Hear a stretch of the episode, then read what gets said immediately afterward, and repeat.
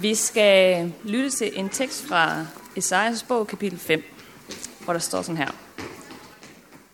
Jeg vil synge en sang om min ven, min elskede sang om hans vingård. Min ven havde en vingård på en frugtbar skråning. Han gravede den, rensede den for sten og plantede den til med vinstokke. Han byggede et vagtårn i den og udhuggede også en perse. Han ventede, at den ville give vindruer, men den gav vildruer. Og nu, Jerusalems indbyggere, Judas mænd, døm mellem mig og min vingård. Hvad var der mere at gøre ved min vingård, som jeg ikke, havde, som jeg ikke har gjort? Når jeg ventede, at den ville give vindruer, hvorfor gav den så vildruer? Men nu vil jeg lade jer vide, hvad jeg vil gøre ved min vingård. Jeg vil fjerne hegnet om den, så den bliver afgnævet. Nedrive gæret om den, så den bliver trampet ned. Jeg lader den forfalde. Den bliver hverken beskåret eller hakket, så den gror til med tjørn og tissel.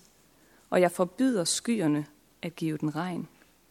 For herskars herres vingård er Israels hus, og Judas mænd er hans yndlingsplante.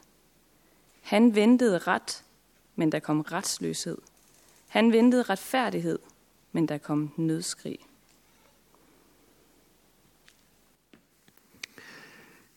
Vi skal fortsætte med at, øh, at høre noget om, øh, om vingård. Øh, vi skal høre om to lignelser, som øh, Jesus han fortæller i ugen op til påske. Det man kalder den stille uge mellem palmesøndag og skatorsdag. Øhm, men den her uge, den var faktisk langt fra stille. Fordi ligesom den tekst, vi lige har hørt, som rummer et meget alvorligt budskab, sådan er der også et alvorligt budskab i de to lignelser, som Jesus fortæller os i prædiketeksten i dag. Det var ikke en stille uge, fordi Jesus han for det første ryddede templet og væltede bordene, så pengene de røg rundt.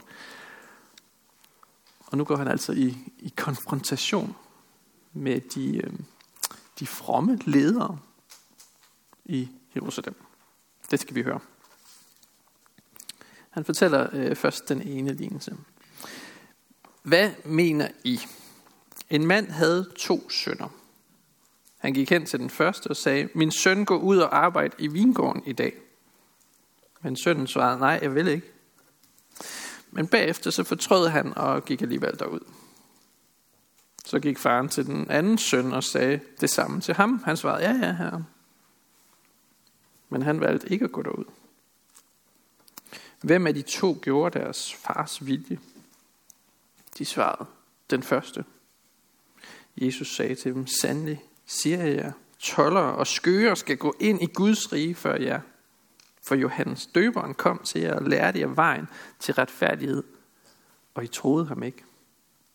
Men toller og skøre troede ham. Og skønt I så det, så angrede I heller ikke bagefter og troede ham. Prøv at høre en lignelse mere. Der var en vingårdsejer, som plantede en vingård og satte en, et gære om den. Og han gravede en perse i den og byggede et vagtårn. Han forpagtede den bort til nogle vinbønder og rejste udenlands. Da høsttiden nærmede sig, sendte han sine folk til vinbønderne for at få sin høst. Men vinbønderne greb hans folk, og en prylede de, en anden dræbte de, og en tredje stenede de. Han sendte så nogle andre folk, flere end første gang. Men de gjorde det samme ved dem. For han, til sidst sendte han sin søn til dem, for han tænkte, de vil undse sig for min søn. Altså de de vil have respekt for min søn. Men da vinbønderne så sønnen, så sagde de til hinanden, det er arvingen. Kom, lad os slå ham ihjel og få hans arv. Og de greb ham og smed ham ud af vingården og slog ham ihjel. Og så spørger Jesus til sidst, når nu vingårdens ejer kommer, hvad vil han så gøre med de onde vinbønder? Dem, der stod omkring ham, svarede, et ondt endeligt vil han give de onde, og overlade vingården til andre vinbønder, som vil give ham høsten, når tiden er ene. Jesus sagde til dem, har I aldrig læst skrifterne? Den sten, som bygmestrene vragede, er blevet hovedhjørnestenen. Det er Herrens eget værk. Det er underfuldt for vores øjne.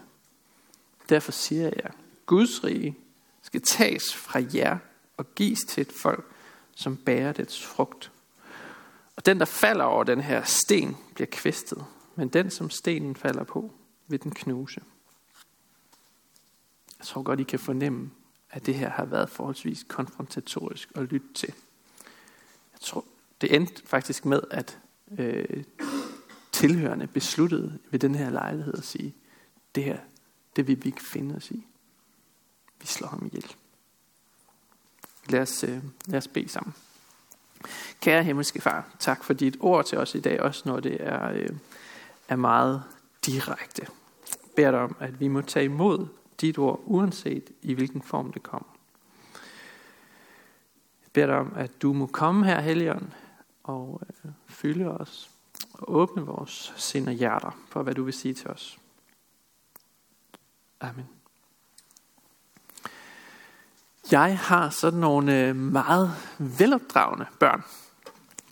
Øhm, jeg tror, de er sådan lidt over gennemsnittet. Øhm, for eksempel så spurgte jeg øh, for nyligt den ene, om han ikke kunne tage mindstemanden med hjem fra skole. Og så svarede han, selvfølgelig. Er det ikke en velopdragen søn, jeg har? Da han så kom hjem, så, øh, så spurgte jeg, hvor er din lillebror henne? Ups, ham havde han altså lige glemt at hente efter skolen. Det er ikke fordi, jeg er et hak bedre selv. Jeg har ikke talt på, hvor mange gange min kone har bedt mig om at sætte en vask over, og når hun så kommer hjem, så ligger bunken af beskidt vasketøj stadig på gulvet, og jeg har ikke fået den sat over i vaskemaskinen. Og jeg kan fortælle mange historier af den slags. Om en af, de, en, en af mine andre børn. Når jeg beder dem rydde op på deres værelser, så kan de godt finde på at sige, nej, aldrig i livet. Hvad tænker du på? Det var da jo en elendig idé. Tror du ikke, vi har bedre ting at bruge vores liv på? Verdens værste far. Sådan kan de godt finde på at sige. De er ikke med i dag her, så. Men så alligevel et par timer senere, så kan jeg faktisk godt opleve at komme ned på deres værelse. Og så har de faktisk gjort det, jeg sagde. Det er meget sjældent, det sker. Men det kan godt ske. Vi møder i dagens tekst en lignende historie om to sønner og deres far.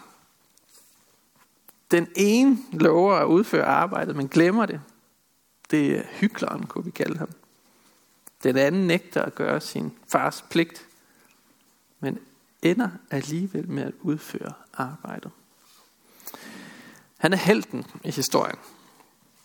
Og øh, der er sådan noget parallelt over den her første lignelse, med lignelsen om den fortabte søn, der rummer nogle af de samme elementer. Historien om den yngste søn, der løber bort og øsler sin fars penge væk, men alligevel ombestemmer sig og vender tilbage til sin far. Og så er der den ældste søn, der egentlig siger ja til sin fars opgaver, men øh, i hjertet, så er han uomvendt. Han er fuld af vrede og foragt over for sin lillebror. Begge de her to lignelser, både den vi lige har hørt og lignelsen om den fortabte søn, afslører et religiøst hykleri. Jesus vil afsløre religiøst hykleri med de her tekster. Og Jesus han siger det direkte til de religiøse ledere som er selvretfærdige, at de ser ned på tollerne og synderne, uden selv at være et hak bedre. De har så travlt med at dømme de andre ude. De havde bestemt, at man ikke måtte spise sammen med dem. Man måtte ikke røre ved dem. De måtte ikke komme i templet. I Guds hus. De holdt dem uden for kirken. De var ikke fine nok. De var ikke gode nok. De øvede faktisk en form for social kontrol, kan man godt sige. Og det er jo noget, der bliver talt en hel del om øh, for øjeblikket her i Danmark. Jeg har, jeg har taget et lille billede med. Øh, det kommer godt nok, jeg tror kun, det kommer til at komme op på skærmen herinde i kirkesalen. Det var en overskrift i Kristne Dagblad for nyligt, for nogle uger siden, hvor øh, der står, social kontrol i lukkede kristne miljøer findes. Oh, ja, jeg ved ikke, om, om vi skal føle os ramt over at være et lukket kristen miljø. Det, så jeg føler mig i hvert fald ikke specielt ramt. Øh, jeg synes, vi tværtimod gør os meget umage med at være et åbent fællesskab, hvor man kan komme, som man er. Men jeg tror faktisk, der er noget rigtigt. At der findes negativ social kontrol i kristne miljøer. Hvor kristne bliver set ned på eller fordømt af hinanden. Og det skal vi gøre op med. Det er nemlig ikke vores opgave at udskamme hinanden eller tale ondt om hinanden. Det er et hykleri, for vi er ikke selv et hak bedre. Jesus siger i bjergprædiken, døm ikke, for at I ikke selv skal dømmes.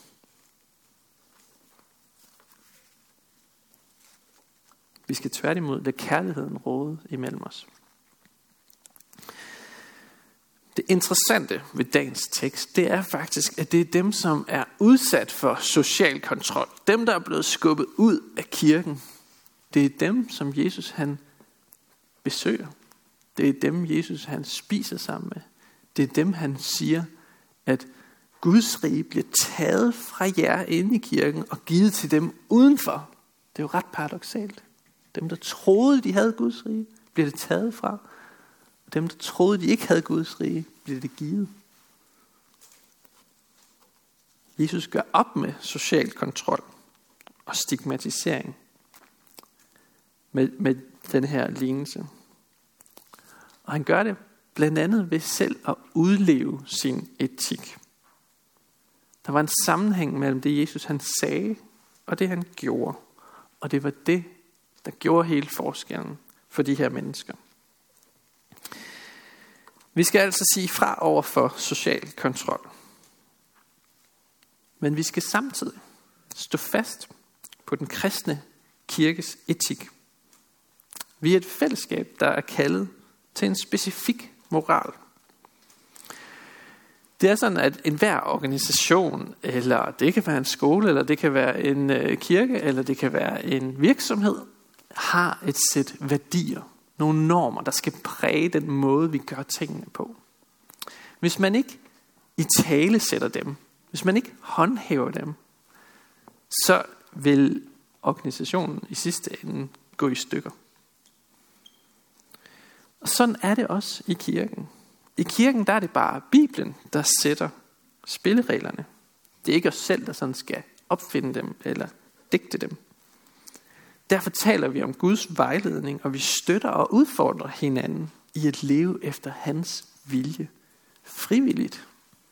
Uden at det bliver til negativ social kontrol. For ellers så bliver det bare hykleri og dobbeltmoral. Hvor der er plads til mig, men der er nogle andre, der ikke er plads til. Mange mennesker har stødt sig på det kristne fællesskab, fordi man ser kristne, der prædiker kærlighed, men er iskolde i hjertet. Vi kommer selvfølgelig aldrig til at leve ligesom Jesus, hvor der er fuldstændig overensstemmelse mellem vores ord og vores handlinger. Der vil altid være et lille græn af hyggeleri i os alle. Men hvis vi skal komme hyggeleriet til livs, så bliver vi nødt til at tale åbent om det. Vi bliver nødt til at lade facaden falde. Og være ærlige om, at livet i efterfølgelse af Jesus er svært. Vi må tale om vores utilstrækkelighed.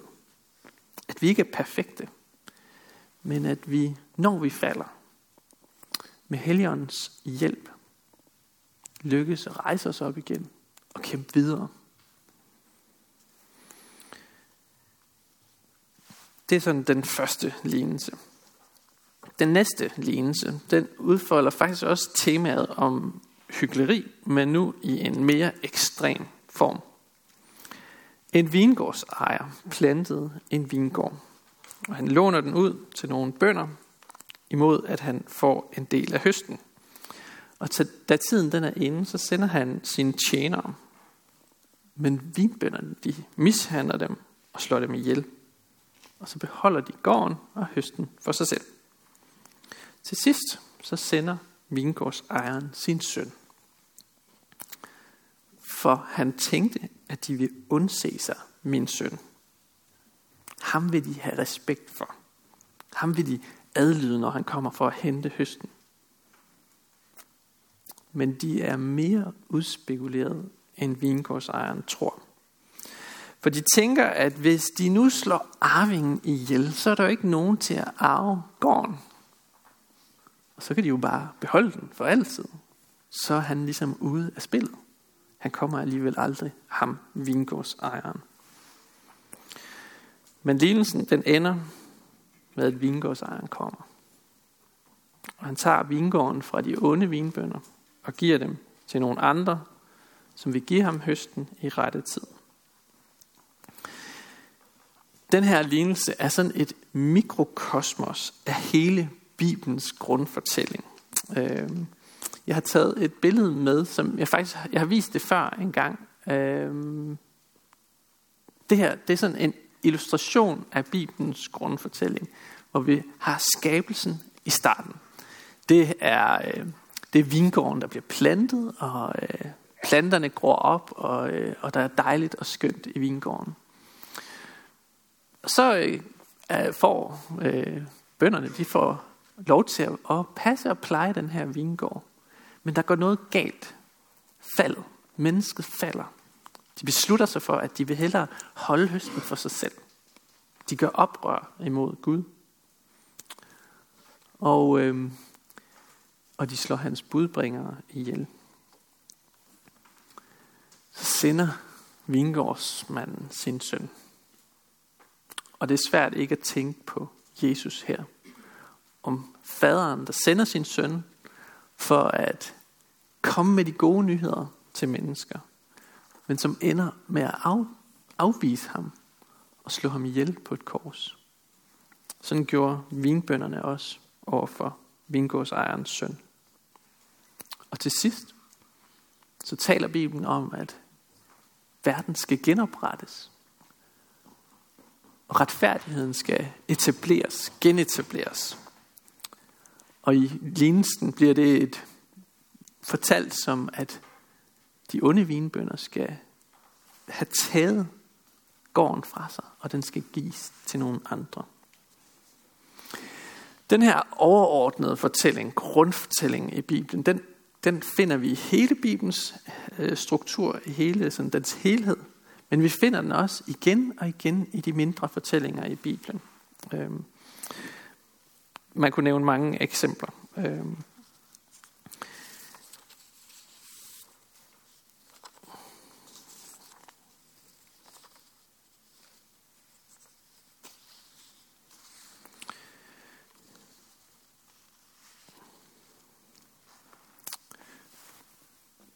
bag et falsk ja til at tjene i Guds vingård, der gemte der sig et nej. Et oprør imod Gud. Folket brød aftalen med Gud. De gjorde oprør imod ham. Ham, der havde skabt dem. Og det oprør, det gentager sig i dag. Vi vender også Gud ryggen. Vi vælger også synden frem for livet og vi forkaster Gud som en grim gammel sten, som vi kaster ud i haven og tænker, den er fuldstændig ubrugelig. Den har ikke noget med os at gøre. Det er bare en ubrugelig sten. Ham Gud. Og oprøret imod Gud viser sig i sin allergrimmeste form da vi slår arvingen ihjel. Guds egen søn på et kors uden for Jerusalem.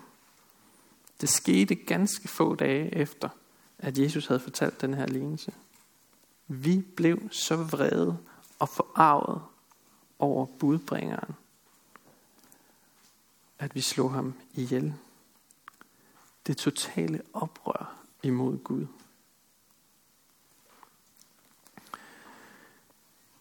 Men Jesus, han kunne ikke fastholdes i graven. Døden måtte give op. Og med sin død, der betalte Jesus prisen for vores oprør. Det var ikke en meningsløs død. Vi gjorde faktisk en del af Guds plan. Der var en del af Guds plan, der blev ført ud i livet, fordi mennesket gjorde oprør. Og han løskøbte os, mens vi endnu var syndere, mens vi endnu var fjender af Gud. Så løskøbte han os. Det kalder vi med et fint teologisk ord for forsoningen. Forsoning.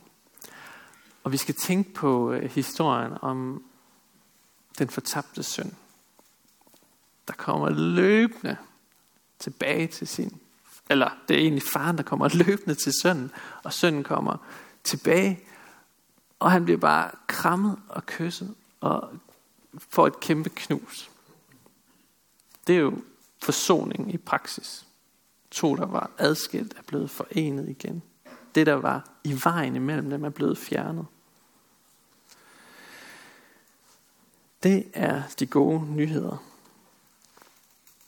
Derfor skal vi øh, vende, vende om, ligesom den fortabte søn. Vi skal gøre det igen og igen, dag efter dag.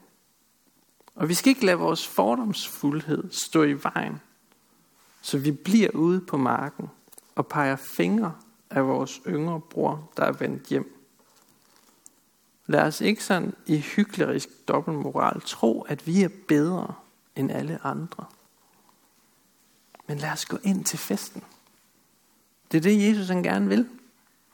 Lad os gå ind til vores brødre og søstre. I al vores brudhed. I al vores utilstrækkelighed. Med alle vores fejl og mangler. Og øve os i, sammen øve os i at stole på, at det Jesus han har gjort, det er nok. For den sten, som vi kastede ud i haven og tænkte, den er ubrugelig. Den er blevet løftet ind. Og så er den blevet bygget ind som hjørnestenen i vores kirke og i vores liv, som vi kan bygge på. Jeg har taget et billede med af det. Sådan en hjørnesten. Den har, den har, har fået lov til, og den holder to vægge, den holder hele huset. Og øh, det er Jesus. Og dit liv er værd at bygge på den sten. Han er den sten, der bærer dig. På trods af dit oprør. På trods af dit hykleri. Den grimme gamle sten som var blevet vraget, er nu den sten, der bærer hele huset. Det er, øh, det er værd at takke Gud for, og det er værd at lovprise ham for. Lad os øh, bede. Jesus, vi takker dig, fordi du er værd at bygge sit liv på. Tak fordi dine løfter, de står fast og hjælper os til at stole på dig, i stedet for at dømme hinanden. Jeg beder dig om, at du må øh, tilgive os vores oprør. Tilgive os, at vi slog dig ihjel. Og jeg beder dig om, at du vil øh, tage imod os som faren i lignelsen. Uden forbehold og med et stort knus. Og jeg beder dig om, at vi ikke må øh, stå ude på marken og holde os for gode til at gå ind til festen. Men at vi må lade fordomsfuldheden falde og give kærligheden plads.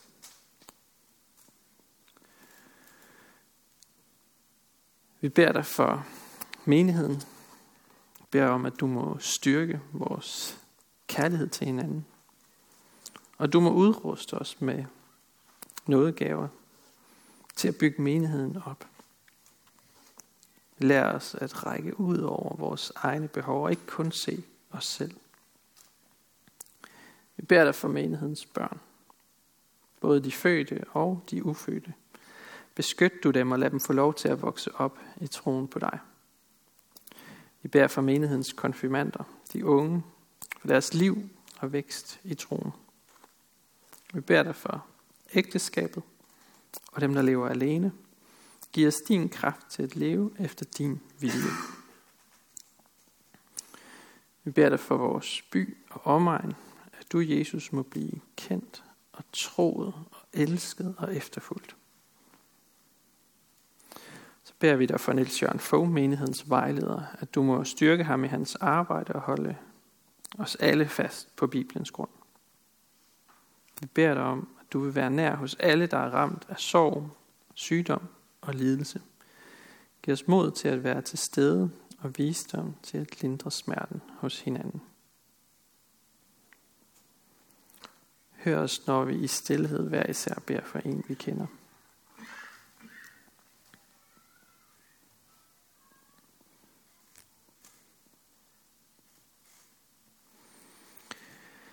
Så beder vi dig for din kirke. Lad budskabet om dig, Jesus, spredes over hele jorden og styrk dem, som forfølges for dit navns skyld.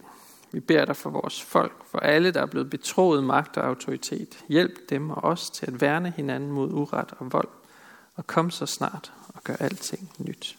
Amen.